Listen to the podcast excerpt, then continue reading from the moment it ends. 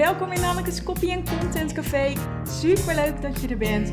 Dit is echt dé plek waar je tips krijgt over copywriting, content marketing en storytelling, zodat jij de woorden het werk voor je kunt laten doen. Ik heb er weer ontzettend veel zin in, dus pak je favoriete drankje erbij, sit back en relax.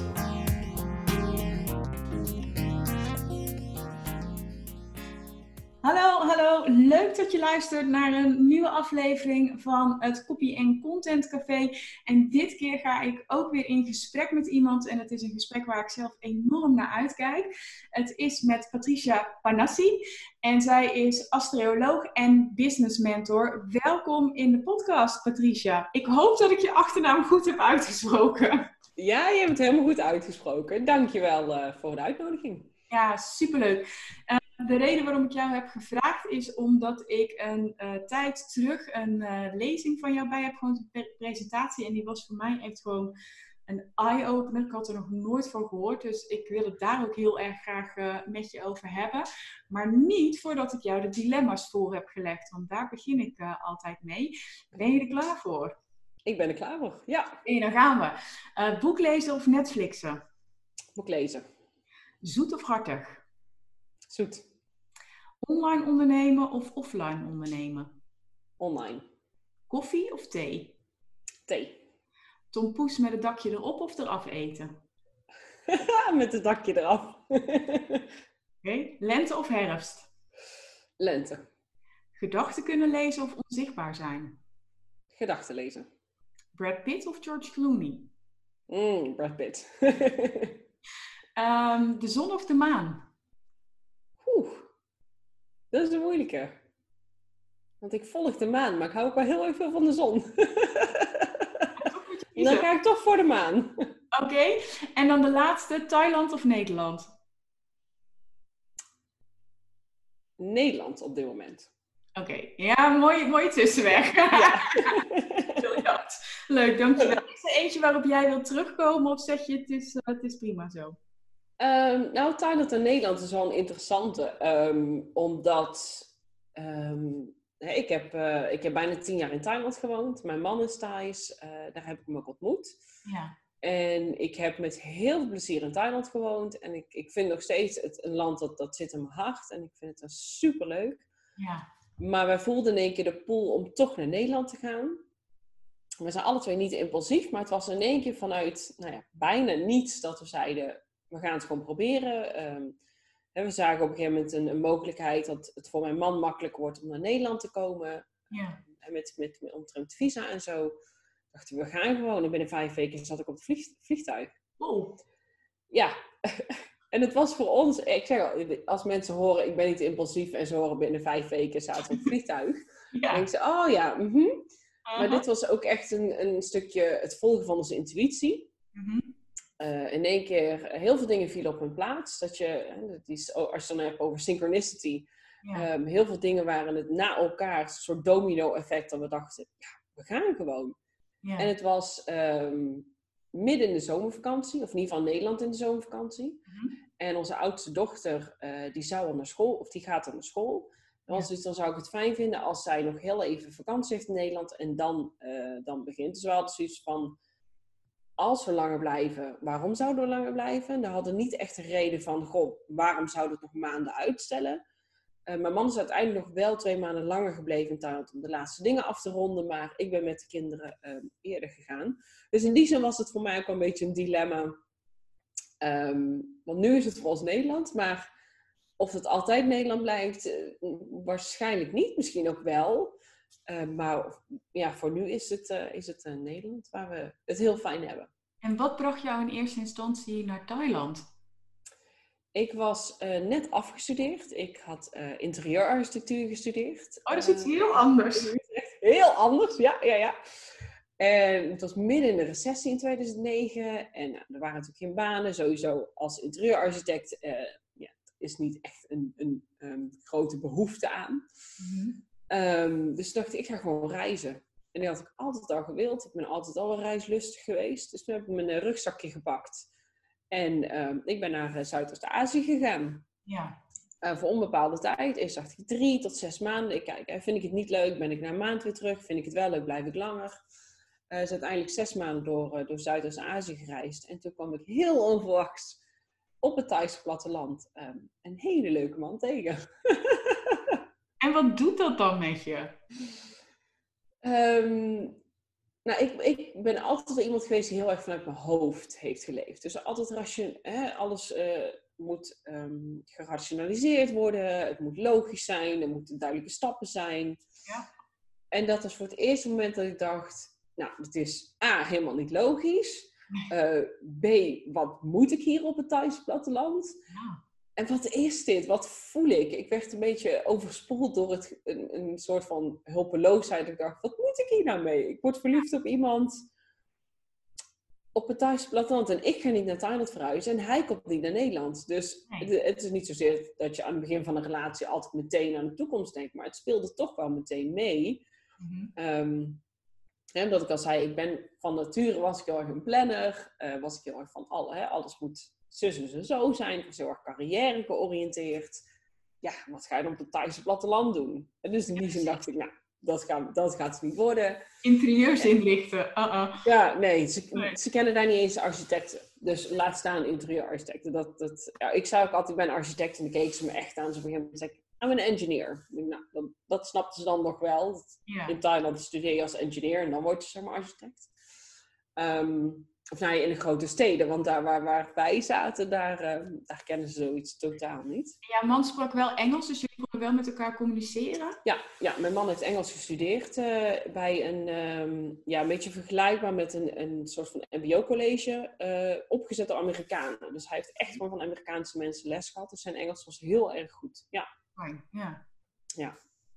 En dan? Dan word je dus verliefd. En ja, hoe eindig je dan toch tien jaar nou, in, in eerste instantie hadden we zoiets van... Um, nou, we hebben gewoon elkaar gedag gezegd. Ik ga terug naar Nederland. Um, ja, dit is zeg maar een beetje het, het einde. Um, maar toen ik in Nederland was, ik kon nog steeds niet een baan vinden. Ik was wel parttime aan het werk, maar niet echt iets waar ik heel gepassioneerd in was. En het bleef een beetje kriebelen. Ik dacht, wat als? En ik heb in die zes maanden ook heel erg geleerd om veel meer op mijn gevoel te vertrouwen, mijn intuïtie, daar veel meer op, op, op meegaan. En dat voelde gewoon hartstikke goed. En toen dacht ik, ja, ik wil het toch wel weten of wij niet een toekomst hebben. Want hij bleef veel te in mijn achterhoofd en ik, hmm, wat als, wat als. En dus ben ik negen maanden later weer teruggegaan uh, met het idee van, nou, of het wordt het, of het wordt het niet. Ja. En uh, al heel snel dacht ik, oh shit, hij is het. en nu? ja. Nou, inmiddels was de recessie in Nederland nog steeds gewoon in volle gang. En banen lagen gewoon niet voor het oprapen. En um, ja, ik denk, waarom niet? Ik ben nog jong. Ik was toen uh, eh, 24. En ik dacht, ja, als ik het nu niet doe, dan doe ik het nooit meer. Mm -hmm. Dus heb ik de knoop doorgehakt en ik, nou, ik ga naar Thailand verhuizen ik heb niks te verliezen. Ik had geen baan, ik had geen huis. Uh, hè, er was niks in principe dat me aan, uh, in die zin, in zozeer aan Nederland. Uh, Nederland bond ik wel mijn vrienden en familie. Ja. Maar ik dacht, ja, ik ga het gewoon proberen. Is het niks? Ben ik na een half jaar weer terug of na een jaar? Het is niet dat ik zeg, ik, ik verhuis permanent naar Thailand. Mm. Maar ik wil het gewoon proberen. Ja. Ben ik wel weer teruggekomen voor een half jaar. Toen heb ik, ben ik gaan werken, het geld sparen. En toen ben ik begin 2012 definitief vertrokken welk idee? Ik bedoel, je hebt een opleiding, je bent een slimme vrouw. Eh, wat, wat was jouw idee van hoe zou jouw leven daaruit gaan zien? Rustig. En daar had ik heel veel behoefte aan. Ik ben altijd uh, heel hard voor mezelf geweest en echt een streber en mezelf pushen. En nou, dat, dat heeft me uiteindelijk, hè, ik heb uh, mijn, mijn, opleiding uh, heel goed kunnen afronden. Maar als ik dan terug ga, denk ik, hoe gelukkig was ik? Mm mijn geluk hing ik zeg maar vast aan wat ik deed.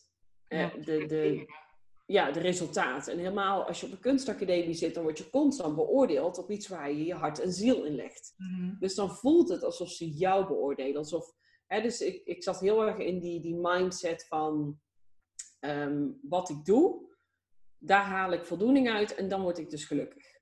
Ja. Maar in die tijd in Azië leerde ik ook dat als ik helemaal niks doe, ook heel gelukkig kan zijn. Ja. Dus ik was eigenlijk juist heel erg blij om eventjes gewoon die pauzeknop in te drukken. Ja. En even helemaal geen, eh, geen directe toekomstplannen te hebben. Mhm.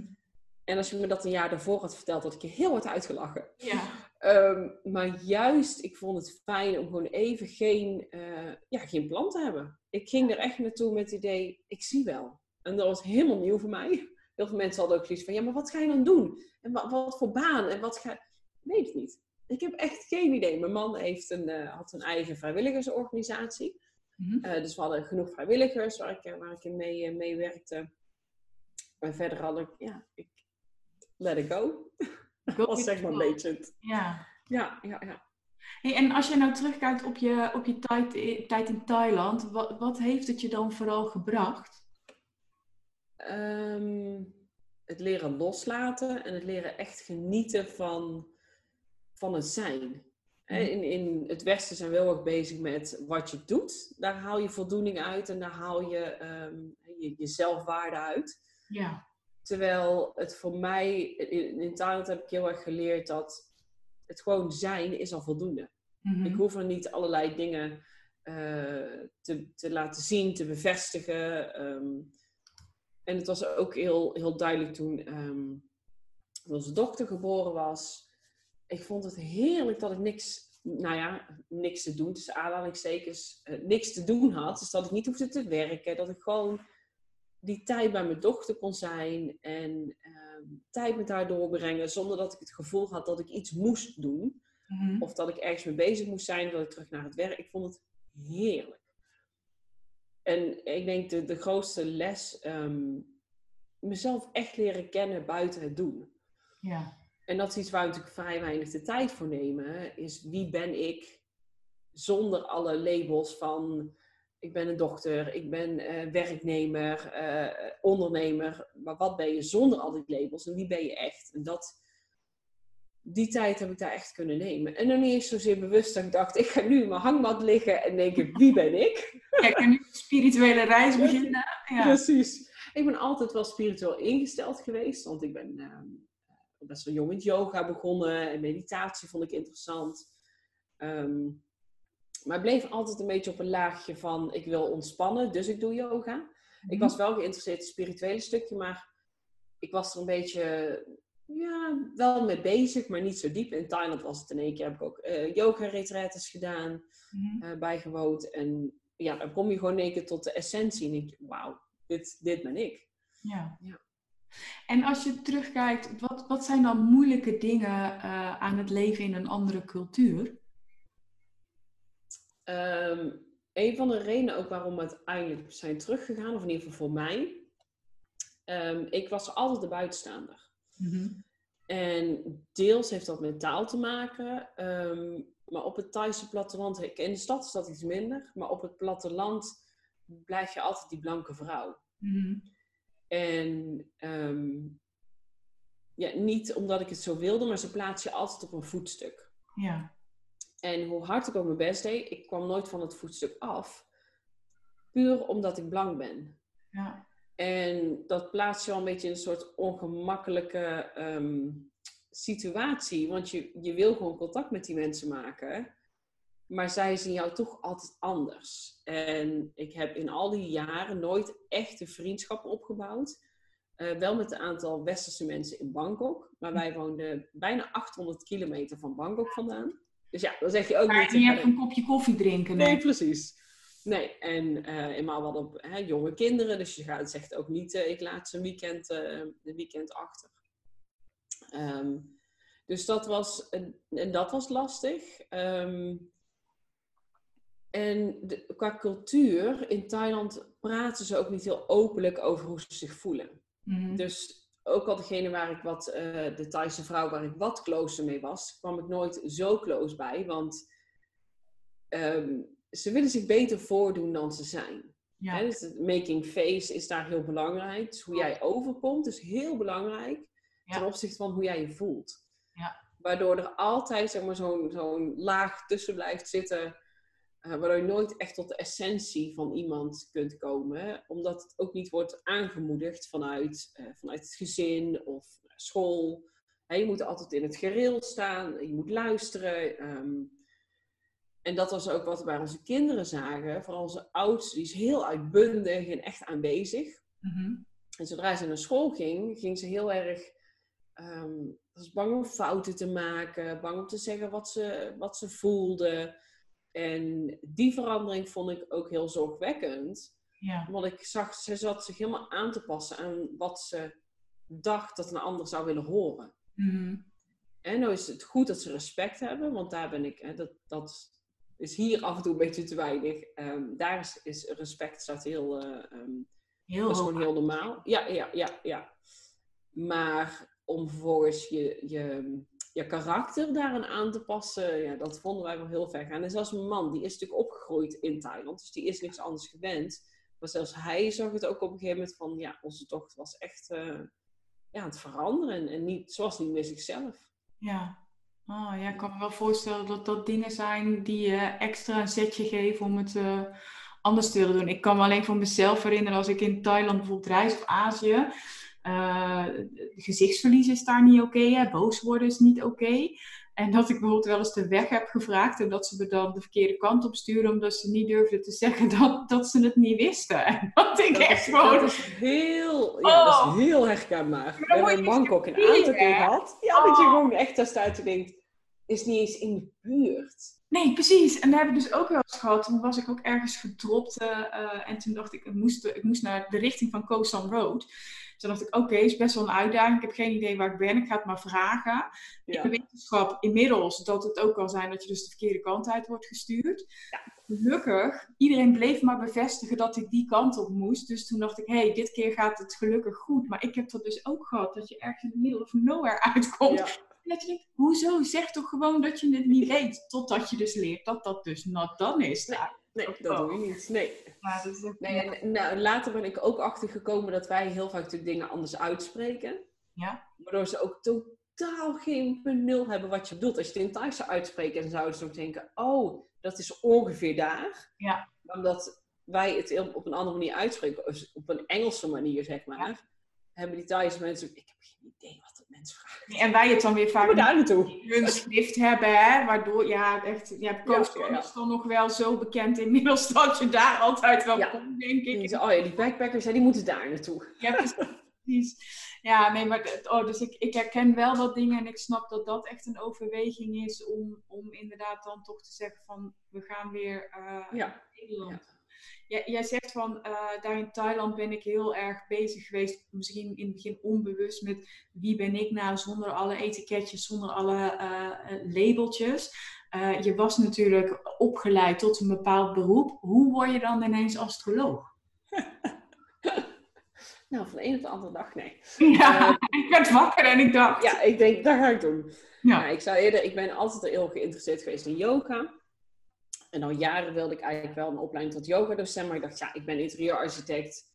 Waarom zou ik dan ook nog gaan leren voor, voor yogadocent? Mhm. Eh, op een gegeven moment kwam het wel op mijn pad. Eh, een docent die het aanbood online. Wat inmiddels heel normaal is. Maar eh, toen was dat nog helemaal niet normaal. Toen dacht ik, ja, hoe kun je nou überhaupt yoga gaan leren online?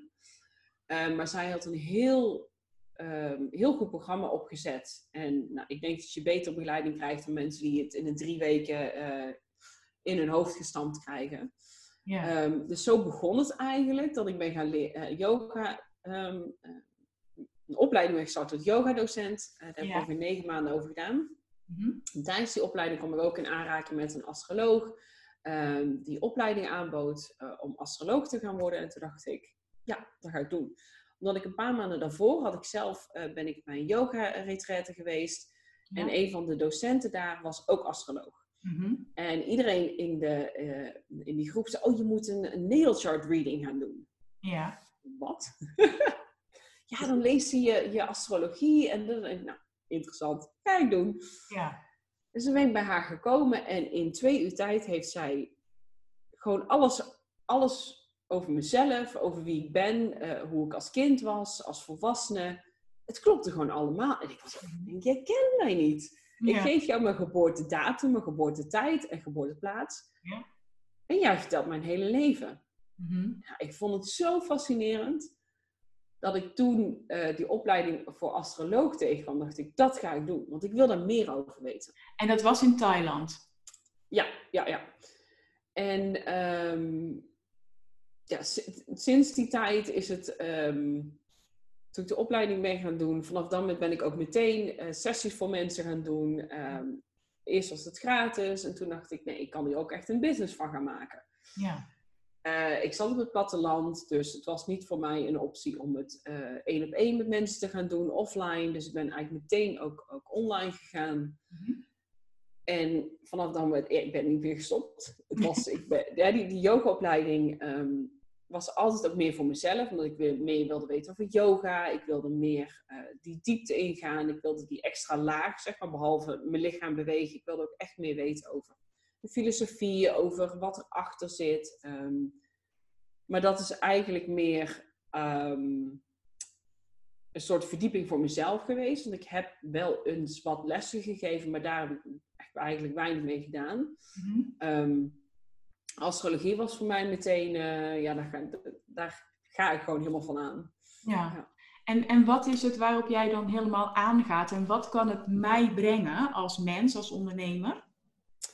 Nou, ik, uh, ik ben inmiddels gespecialiseerd in het helpen van vrouwelijke ondernemers. Mm -hmm. En wat ik doe, is ik help je om inzicht te krijgen in de komende maanden. Mm -hmm. um, hè, wat ik eerder al zei, in jouw geboortehoroscoop, die, -hmm. die blijft altijd hetzelfde. Dus dat is het moment dat je geboren bent, de dag, de tijd en de plaats. En daarnaast kun je ook nog kijken naar hoe jouw geboortehoroscoop reageert met waar de planeten nu op dit moment staan. Ja. En daardoor heb je dus verschillende um, um, fluctuaties in energie. Hè? Sommige dagen voel je je heel energiek en andere dagen denk je, oh, er komt niks uit mijn handen. En, en de volgende dag uh, heb je weer heel veel inspiratie om mensen te praten. Mm -hmm. En die fluctuaties, als je daarvan bewust wordt, kun je daar je bedrijf ook op inrichten. Ja. En uh, het is niet zozeer dat, ik, dat je um, dingen totaal anders moet gaan doen, maar het is meer je taken op bepaalde momenten doen, zodat ze makkelijker gaan. Mm. En de makkelijkste manier, eh, die ik altijd in het begin altijd uitleg aan mensen, ook bij de um, uh, presentatie die bij jou ja. Ik zat even ja. het Nederlandse woord te zoeken. ja. Uh, hebben we het ook heel erg gehad over de maan. En dat is iemand, ja. iets waar de meeste mensen meteen wel uh, zich aan kunnen relateren. Hè? Bij een volle maan hoor je vaak dat huisdieren zijn on onrustiger, kinderen zijn onrustiger. Um, over het algemeen worden ook meer baby's geboren tijdens een volle maan. Ze weten allemaal wel dat er een effect is van de manen. Ja. Kijk maar naar de getijen van, uh, van de oceanen. Die worden aangetrokken door de maan. En wij bestaan voor een groot deel uit water. Dus het is logisch dat wij er ook op reageren. Mm-hmm. En op een hele simpele manier kun je bijvoorbeeld kijken naar de maan. Bij een volle maan. En dat, dan zit er meer onrust, meer emoties. Dat is meer de piek van de maancyclus. Mm-hmm. Dus dan zit je veel meer in je creativiteit, in je um, uh, outgoing. Dus je bent ook makkelijker dat je contact maakt met andere mensen. Mm-hmm. Daar tegenover staat weer de nieuwe maan. Is veel intuïtiever, is een veel rustiger moment. Uh, is veel meer een moment van stil zijn. Mm-hmm. En um, die inzicht te krijgen. Dus alle iedere dag is goed om te mediteren, maar op een nieuwe maan is het weer heel erg goed om stil te worden en te luisteren naar welke ideeën er omhoog komen. Mm-hmm. En dan bij een volle maan zou het meer zeg maar, een tijd zijn om ze te gaan um, uitwerken. Dus echt iets mee gaan doen, mee aan de slag gaan.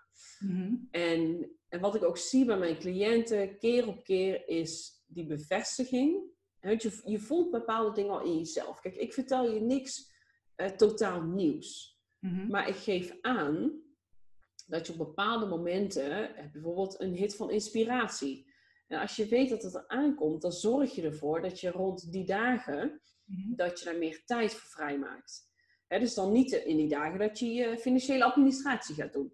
Of uh, dat je je, um, uh, je admin uh, op je website gaat aanpakken. Dat je zulke dingen niet doet. Ja. Maar dat je die juist vrijlaat voor creativiteit. Om, om nieuwe plannen te ontwikkelen. Um, de tijd weer na de volle maan is veel meer geschikt om juist die boekhouding te doen. Mm-hmm. En het is ook heel erg gelinkt aan je menstruatiecyclus. De nieuwe maan staat heel gelijk aan je uh, menstruatiefase. De volle maan staat veel meer gelijk aan je ovulatiefase. Mm-hmm. En als je veel meer weer in meegaat, dan wordt het allemaal makkelijker. Het is niet zozeer dat je andere dingen gaat doen, maar je gaat veel bewuster om met, oké, deze taken ga ik deze dagen doen, deze taken schuif ik door naar volgende week of die week daarna. Dus je zit zeg maar in die cyclus van, van ongeveer 28 dagen, mhm. zodat je veel beter weet welke, ehm, ja, welke dingen je het beste wanneer kunt doen. En stel dat je nou uh, online ondernemer bent, wanneer kan je dan bijvoorbeeld het beste lanceren? Daar zal ook een periode voor zijn die het meest ja. is. Het, ehm, in principe kun je het zo zien dat de nieuwe maan mhm. Is heel goed om uh, nieuwe dingen aan te kondigen. Ja. dus stel je voor, uh, je wil een nieuwe cursus gaan lanceren, dat je aankondigt dat die cursus eraan gaat komen. Mhm. Dat je uh, een week daarna ongeveer ehm, de deuren opent. Dus nu kunnen mensen zich in gaan schrijven. En dat je op de volle maan een dicht, de deur dicht doet. En dat je hem dan gaat, gaat leven. Omdat je dan tijdens de volle maan zit je veel meer in jouw, um, in jouw connection energie. Dus het is makkelijker om contact te maken met mensen. Het is makkelijker om uh, je open te stellen. En daartegenover mensen die zich in hebben geschreven voor de cursus, is het ook weer makkelijker. Dus het is een hele mooie combinatie tussen beide, uh, beide energieën, zeg maar. Mm -hmm. Om zo um, ja, duidelijker, um, duidelijker te staan voor wat jij wil leveren. Ja. En, ja? Nou, als ik, als ik het zo. Ik, toen ik jou de eerste keer dit hoorde vertellen, ik kreeg daar bijna gewoon een brain freeze van. Hè? Omdat ik dacht, ja, maar ik heb een agenda en dan doe ik dit en dan doe ik dat en dan doe ik dit en dan doe ik dat. Dat is ook mijn ding hoor, moet ik eerlijk toegeven. Ik raakte er helemaal van in de stress. Dus ik dacht, oké, dan moet ik dus naar maanstanden gaan kijken. En dan moet ik denken, oké, dan moet ik dus lanceren. En dan moet ik dus gaan reflecteren. En dan moet ik dus dit doen. Ja. Hoe, hoe, laat je dat los? Hoe zorg je van iemand zoals ik, die toch nog best wel in, in de hoofd zit, vaak toch dit gaat omarmen? Het, het, het makkelijkste begin is altijd met het volgen hoe jij je voelt op bepaalde dagen. Dus, dus niet zozeer meteen al de taken te gaan aanpassen, maar in het begin kijken, oké, op een nieuwe maan, hoe voel ik me? Uh, wat, wat komt er omhoog? Uh, om dat bijvoorbeeld twee maanden bij te gaan houden, iedere dag. En het hoeft niet meer te zijn dan twee, drie minuten s'avonds aan het einde van de dag. Mhm. Hoe voelde je mentaal? Hoe voel je emotioneel? Wat ging er goed? Wat ging er niet goed? En het gewoon even bijhouden en kijken van, goh, hoe voel ik me op een nieuwe maan? Wat gebeurt er? Uh, en als je op een nieuwe maan begint, hoef je alleen maar te, verder te tellen. Een uh, nieuwe maan is ongeveer 29,5 dag. De hele cyclus, dus 29,5 dag later uh, is weer een nieuwe maan. En dan gewoon kijken, hoe voel ik me? wat komt er op? Wat gaat er goed? Wat gaat er niet goed? Dan zul je merken dat je die, door die fluctuaties heen gaat. Hè? Dat de ene keer dat je achter je computer gaat zitten en je, je knalt er een blog uit. En, of je neemt een video op. En, uh, uh, of in een sessie met een cliënt gaat het super lekker. En een week later moet je jezelf uit bed slepen. Mm. En denk je, oh, wat, wat, er, ik kan, geen inspiratie. Het schrijven, ik, één alinea en ik kom niet verder. Mm. Dus, dus eerst is het observeren. Wat, wat gaat er door me heen als ik uh, op die tijd van de maand dit doe of die tijd van de maand dat? Ja. En dan, al is er maar één taak die je eigenlijk had gepland om vandaag te doen, kijk eens of je hem door kunt schuiven. En kijk of wat beter of iets naar voren halen. Het, het, het werkt niet als je in één keer alles gaat omgooien. Want er is een reden waarom je bepaalde dingen doet. Ja. Deels is het de routine en eh, deels klopt het ook gewoon voor jou. Ja. Dus alles in één keer omgooien klopt ook niet. Nee, maar je zou wel kunnen zeggen dat door meer te kijken naar hoe dat voor je werkt, dat je je routine kunt optimaliseren. Ja, en, en daar gaat het uiteindelijk om. Want als jij dus op een gegeven moment weet op welke dagen je bepaalde taken het beste kunt doen, dan ben je er minder tijd aan kwijt. Waardoor je, je hebt minder frustratie, je spendeert minder tijd. En wat ik bij mijn cliënten over eh, gedurende tijd zie, is dat ze gewoon tijd overhouden. Mm Ja, dat klinkt echt zalig. En dus meer vrije tijd hebben. En um, het, het, het is zo fijn om te gaan zitten en dan weten, vandaag ben ik gaan schrijven en gaat het goed. Of vandaag ga ik zitten voor mijn administratie en dan gaat het makkelijker. En ook je, als je kijkt naar je cyclus, mhm. je hersenen werken op bepaalde manieren anders op bepaalde momenten in je cyclus. Mhm. Waardoor het zoveel makkelijker wordt voor jou om die dingen ook echt te doen op momenten dat jouw hersenen en jouw lichaam er ook op, op zijn ingesteld.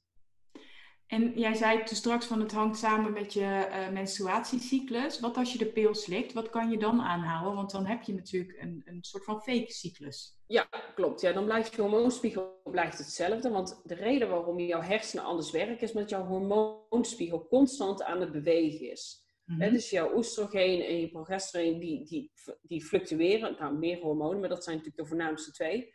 Die fluctueren door de maand. Maar als je de pil slikt of een spiraaltje hebt met hormonen, ehm, dan blijft je hormoonspiegel hetzelfde. Dus dan kun je het best gewoon de maan volgen.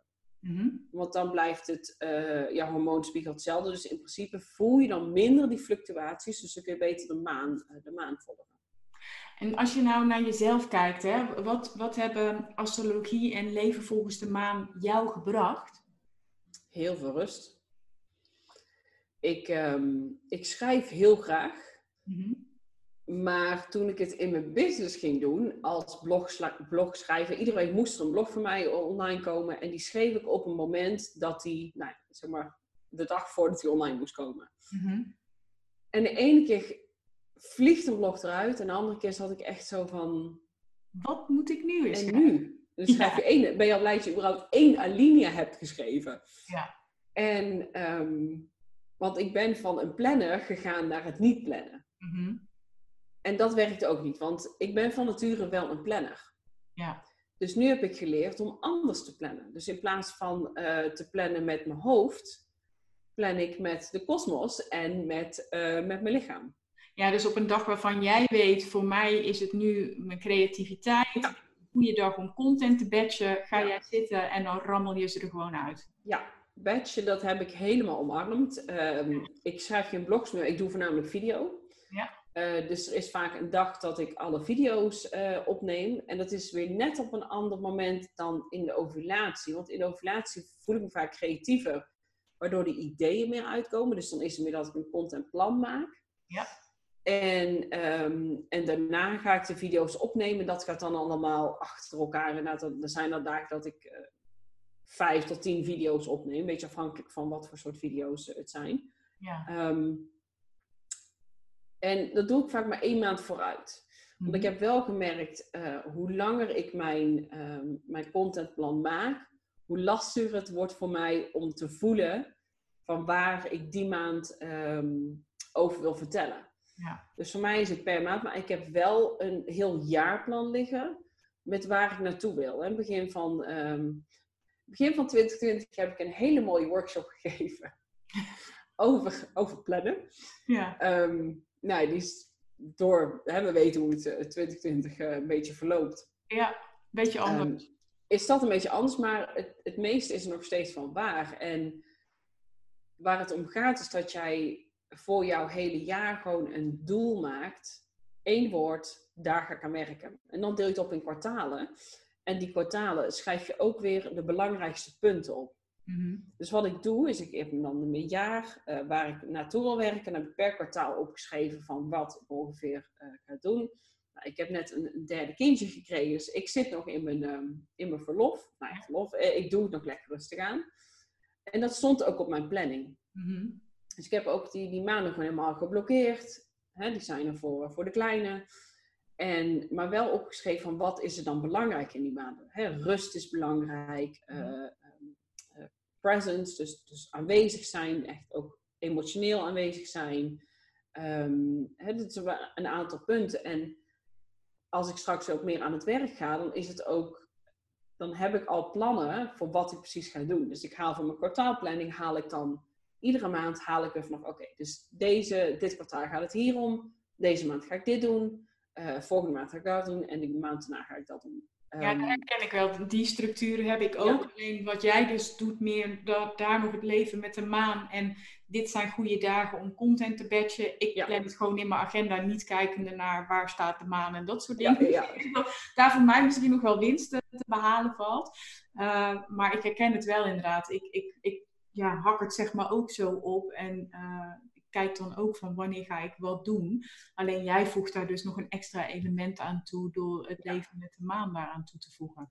Ja, en ik moest echt wel weer uh, een middenweg vinden. Ik zei in het begin, ik was altijd een heel erg planner. In Thailand heb ik alles losgelaten, omdat nou ja, daar kun je ook gewoon geen planning hebben, want alles gaat zoals het gaat.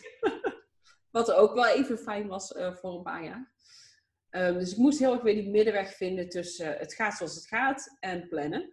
Ja. En juist om ook mijn eigen astrologische profiel te volgen en waar in welke fases ik zit, wordt het gewoon allemaal veel makkelijker. Ik had bijvoorbeeld uh, van de week een cliënt aan de telefoon.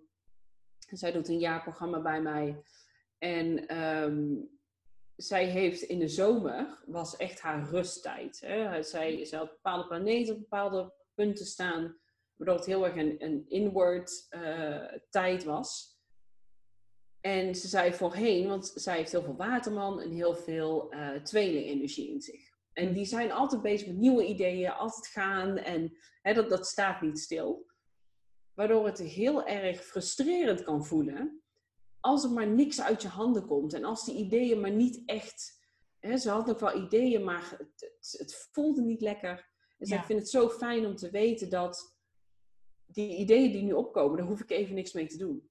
Ja, dus dat je weet dat die rust zeg maar uh, bijna valide is en dat dat langere termijn weer heel veel gaat brengen. Ja, het is een bevestiging. En ik kijk naar de natuur. We gaan nu weer richting de herfst. De mhm. bomen laten hun blaadjes vallen, zodat ze in de winter kunnen rusten. Dat als het koud wordt, dat ze even helemaal niks hebben om ervoor te zorgen. Dat ze echt die rust kunnen nemen. Zodat straks als het weer lente wordt, dan kunnen ze weer nieuwe bladeren aan de bomen gaan, gaan maken. En zo zitten wij ook in elkaar. Maar omdat we in, een, in zo'n 24 uur maatschappij zitten, waar alles maar door, door, door moet en we gaan en, en we stoppen niet, ja. hebben we bijna nooit het moment dat we even rusten. Want juist in die rust is het, hè, daar is het, het meest vruchtbare deel. Want als we tot rust komen, dan hebben nieuwe ideeën juist de ruimte om zich te ontwikkelen. Niet meteen in die actiemodus te schieten van oké, ik heb een idee, dus ik moet het meteen uitvoeren. Mhm. En wat ik bij mijn cliënt ook zag, die zat in de zomer ook af en toe echt zo mm, ik wil, ik wil. En die zegt nu, nu ze heel veel duidelijkheid heeft, ben blij dat ik het niet gedaan heb. Want die ideeën hebben me verder gebracht. Maar het is goed dat ik ze niet heb uitgewerkt, want ze voelden niet helemaal goed. En die, die ideeën waren wel nodig om te komen waar ze nu is. Maar als ze die ideeën meteen was gaan uitwerken, dat ze haar energie verspilt aan de ideeën waar ze nu van denkt, ja, ja dat is het niet. Ja. Dus het is meer die bevestiging, iets dat we eigenlijk al wel voelen mhm. en eigenlijk ook wel weten. Maar soms heb je gewoon even die externe bevestiging nodig van het is nu een rusttijd. Of uh, hè, deze komende maand ga je vol in de actiemodus, ga daar lekker in mee. Mhm. En ook daar tijd voor vrijmaken dan. Ja, ja. Nou klinkt hartstikke mooi en fijn als het je zo kan helpen om eigenlijk met meer gemak meer uit je bedrijf uh, te halen. Tenminste, dat, dat filter ik eruit. En dat herken ik wel bij mezelf, dat stukje rust nemen. Uh, dat, dat blijft voor mij een uitdaging. Ik ben het, ben het nu wel aan het leren, maar ik was inderdaad ook altijd van, hup, idee, doorbeuken, weet je wel. En ja, op een gegeven moment dan ben je gewoon ook op. Dan, dan stokken de ideeën ook bijna een beetje, totdat je dan inderdaad weer rust neemt. En denkt, oh ja, het begint weer te borrelen. Dus ja, het is hartstikke mooi. Patricia, als ik, als ik jou zo beluister, dan uh, heb jij, ja, je hebt natuurlijk ook een soort van, ja, niet rustperiode helemaal, maar je hebt een stap teruggenomen van je, van je bedrijf, om, natuurlijk, omdat je een derde kindje hebt gekregen. Ja. Um, waar, waar werk jij naartoe? Wat is een wens die jij nog zou willen realiseren? Misschien privé of zakelijk? Uh, nou, privé, het, het, het warme weer blijft wel kriebelen. Mm Want daarom zei ik in het begin ook Nederland of Thailand, nu, voor nu Nederland. Ehm, het is ook wel een wens van ons om richting Zuid-Europa te gaan. Ehm, toch meer de ruimte op te zoeken, want dat missen we wel echt. Mhm. Ehm, en het warme weer. Dus dat, maar goed, we pinnen ons er ook niet op vast. Niet van we moeten over vijf jaar, uh, willen we per se in, in Zuid-Frankrijk of zo wonen. Ja. Dat zou fijn zijn. maar het maakt ook niet uit als het niet zo is. Hè? Het is niet zo van het moet per se. Mm Um, zakelijk, ja, ik heb nog zoveel ideeën en plannen. En um, waar ik wel ook heel duidelijk uh, voor sta. In mijn bedrijf, in het begin werkte ik vijf dagen in de week. Ik was constant bezig. Ik was echt in die actiemodus. Ja. Um, nu ben ik naar twee tot drie dagen per week werken. Mm -hmm. voordat uh, voordat Gaia geboren was, werkte ik ongeveer drie dagen. Ik, ik wil terug naar twee. Ja. Um, en voorheen had ik dan zoiets van, oh dat kan niet, hoe moet dat dan? Dus ik ga mijn bedrijf, zo, mijn bedrijf zo ingericht dat ik maar twee dagen hoef te werken. Ja. ja dus je draait het eigenlijk om. En om, ja, we zijn heel vaak in um, ja, slachtofferrol, wil ik ook, dat is wel overdreven om het zo te zeggen, maar mm -hmm. het is een beetje, ja, maar het kan niet anders. Terwijl je juist jezelf kunt gaan um, uitdagen. Moet kijken, kan het niet anders? Kan het echt niet anders? Hoe is jou dat dan bijvoorbeeld gelukt? Uh, doe je dat door heel veel te automatiseren, door heel veel uit te besteden? Hoe lukt het jou om maar twee dagen in de week te werken? Um, dat, dat, heeft ook gewoon te maken met je businessmodel. Dus mhm. hoe wil jij werken? En um, wat waar ik nu veel meer naartoe ga, is uh, eh, VIP-dagen. Het is mhm. gewoon één dag, daar gaan we helemaal uh, tot in de detail in je planning. En niet alleen, we maken de planning, maar ook actiestappen. Dus wat mhm. ik nu heel vaak doe, is een coachingstraject van drie maanden, of van zes maanden, of van een jaar. Waardoor we het uitspreiden. En ik merk heel sterk dat mensen ehm, veel meer de behoefte hebben om het kort te doen. Mhm. Dus in een VIP-dag ga je gewoon helemaal in jouw horoscoop. We gaan een planning maken voor de komende eh, zes tot, tot twaalf maanden. Dus we, mhm. gaan, we maken het nog langer. En dan heb je gewoon, je loopt weg met een kalender, je loopt weg met, uh, met actiepunten, wat je wanneer moet doen. En we hebben ook nog daarna nog, uh, nog support. En dat werkt voor mij heel goed, want wat ik leuk vind is om iemand zijn profiel helemaal in te duiken en alles eruit te halen. Mhm. Ten opzichte van bijvoorbeeld een, een groepsprogramma waarbij ik iedereen een klein beetje geef. Mm heb ik ook gedaan. En ik heb, het was heel leuk. Maar ik merk dat mijn passie daar minder ligt als in één op één heel diep duiken. Dus als jij wil besluiten om minder te gaan werken, kijk dan naar een verdienmodel en een businessmodel dat bij jou past. En mhm. niet iedereen die uh, vindt VIP-dagen leuk. Want je bent een heel dag bezig uh, met, met maar één persoon. Maar voor mij, daar krijg ik echt energie van. Ja. Dus um, daar ga ik veel meer naartoe. Dus ik ben er nog naartoe aan het werken. Maar mijn ideale uh, week is gewoon één dag per week aan uh, content uh, en een beetje de back-end van mijn bedrijf. En één, één dag in de week een, een VIP-dag of een één-op-één coachingscliënt die in een langer traject. Ja. En that's it. Hm. En ik weet ook dat ik um, de, de, de waarde die ik lever, en wat ze daaraan hebben, daar, daar tegenover staan mijn prijzen ook. Dus het is gewoon heel duidelijk een keuze maken van wat kan ik leveren, wat past bij mij. Want ik zie ook heel veel coaches uh, dingen doen. En ik denk, ja, maar dat, wat je zegt in jouw ideale uh, week en wat je doet, dat klopt niet helemaal met elkaar. En voor mij is het gewoon heel duidelijk gaan staan. Ik wil twee dagen in de week werken. En misschien straks als, als Guy wat ouder is, dat ik weer drie dagen ga werken. Ja, dat kan allemaal. Maar voor nu voelt mijn twee dagen voelt gewoon eh, meer als voldoende. Ehm, en ja, daarop heb ik mijn bedrijf ook gewoon ingericht. Ja, super slim natuurlijk. Hè? Dus maar dat vraagt ook af en toe om uh, keuzes te maken die misschien moeilijk voelen voordat je ze neemt. Ja, het is, het is spannend. Hè? Je, je, je, daarmee sluit je ook bepaalde dingen af die je dan niet wil doen. Hè? Hm. Ik vind um, groepcoaching vond ik leuk, en ehm, voor heel veel mensen is groepcoaching juist heel aantrekkelijk. Ja, daar zeg ik nu gewoon nee tegen. Ja. En uh, volgend jaar ga ik waarschijnlijk wel weer een soort van groepsprogramma opzetten, maar gaat het heel anders worden. Ja. Er is meer een, een mastermind idee ten opzichte van een groepcoaching. Mm -hmm.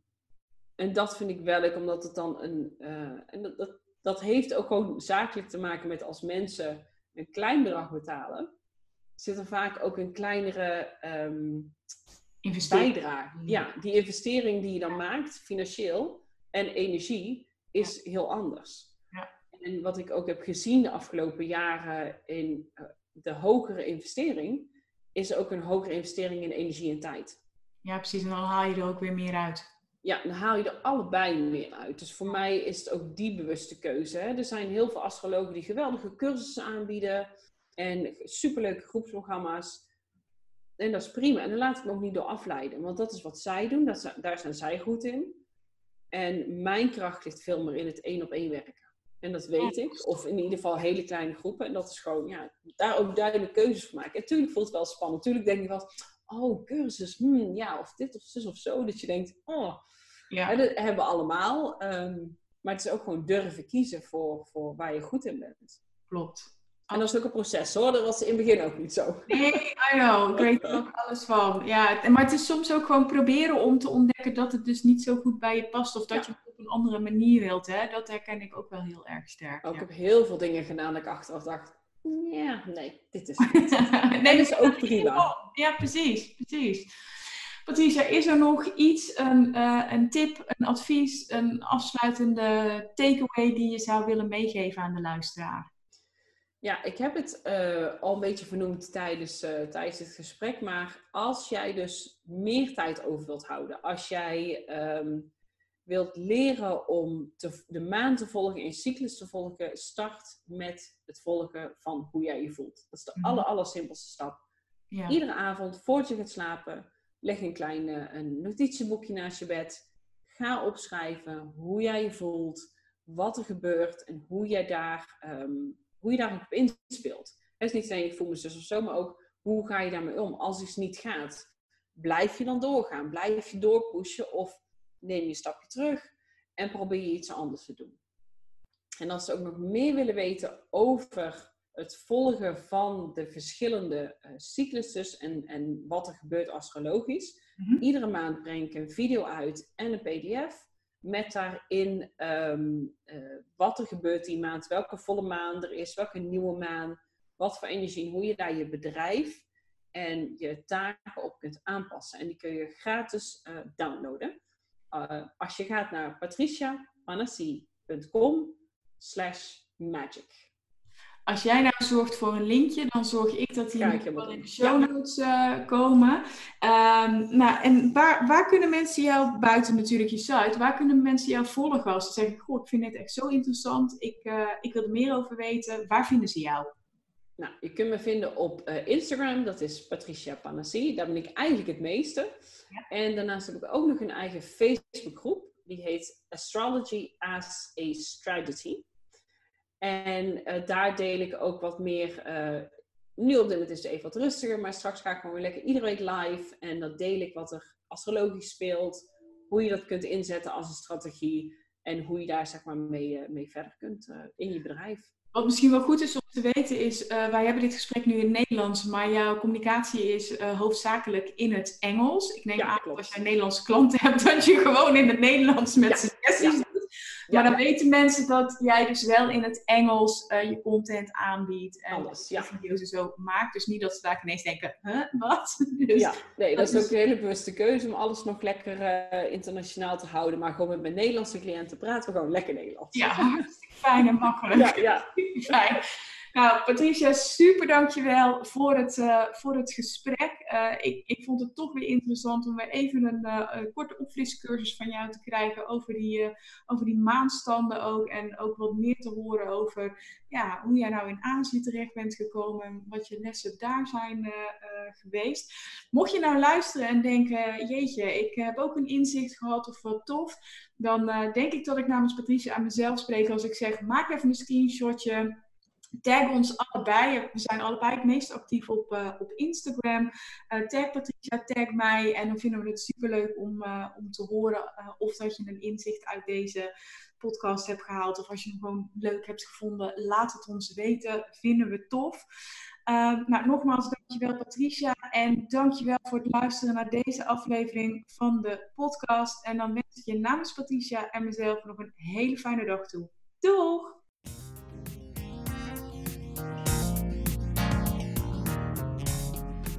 Dankjewel voor je bezoek aan het Copy Content Café. Ik hoop dat je een fijne tijd hebt gehad en de aflevering interessant vond. is dat nou het geval, dan zou ik het heel tof vinden als je een screenshot wilt maken en mij wilt taggen op Instagram. En dat is Nanneke van Drunen. Op die manier inspireer jij weer andere ondernemers en ontdek ik wie het Copy en Content Café allemaal bezoeken. En dat vind ik heel erg tof. En ik heb nog één vraag voor je.